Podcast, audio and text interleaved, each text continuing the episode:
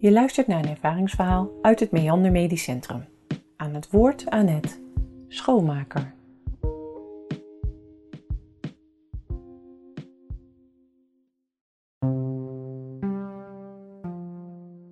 Ik maak schoon op de intensive care.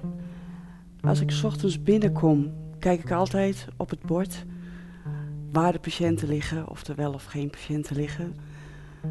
Nu zag ik dat kamer 7, een patiënt lag, die lag er al heel lang.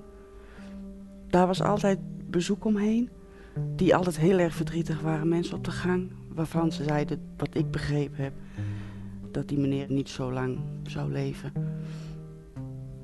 Op een gegeven moment, na een weekje, kom je dan weer op kamer 7, na het weekend. En dan is die meneer gewoon bij. En ik vind het daar zo bijzonder.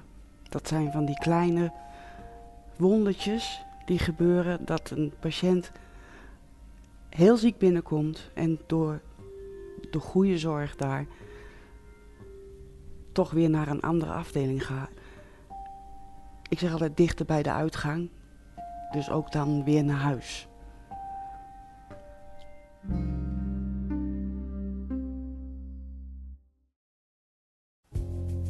Je luisterde naar een betekenisvol Meandermoment. Een co-productie van Meander Medisch Centrum en Zorgdragers. Firma Reuring, Buitenzinnen, Sier en Nathan van der Veer. Benieuwd naar meer mooie verhalen? Kijk op zorgdragers.nl. De verhalen zijn auteursrechtelijk beschermd.